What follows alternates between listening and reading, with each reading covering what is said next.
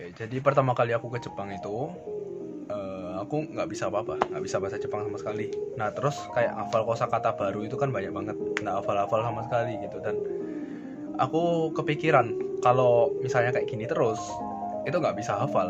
Jadi aku nggak bisa cuma sekali dua kali lihat kosakata habis itu berharap bisa hafal itu kan mustahil banget. Gitu. Jadi kalau ada banyak dari kamu yang tanya ke aku gimana sih cara hafal kosakata ya aku cuma bisa bilang diulang-ulang gitu oke. Jadi selain diulang-ulang aku bakal ngasih kamu beberapa tips. Bagaimana cara menghafal kosakata dengan cepat tanpa takut salah lagi. Oke? Tanpa takut lupa lagi. Oke jadi perkenalkan namaku William. Aku pertama kali belajar bahasa Jepang itu 4 tahun lalu. Dan itu banyak banget kosakata yang harus aku hafal. Dan akhirnya aku jadi stres sendiri karena aku sudah nyoba hafal tapi aku nggak hafal-hafal gitu. Caranya yaitu dengan cara pertama kamu kalau suka anime ya kamu nonton anime. Kalau kamu suka baca novel Jepang kamu baca novel Jepang. Pertama bakal nggak ada yang ngerti nggak nggak masalah. Tapi dari satu novel itu aja kamu bisa dapat banyak banget kosakata.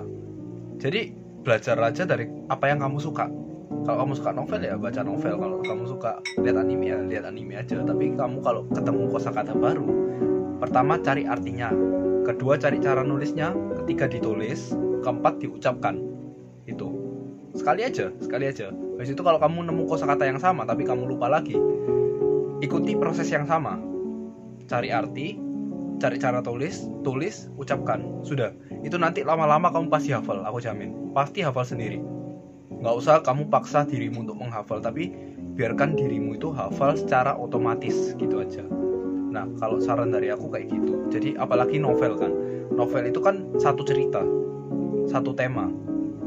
Nah itu pasti kata-kata yang muncul kata-kata meskipun kosakata baru itu yang muncul itu pasti berulang kali. Jadi dari satu novel aja kamu bisa hafal berapa banyak kosakata puluhan bahkan ratusan gitu.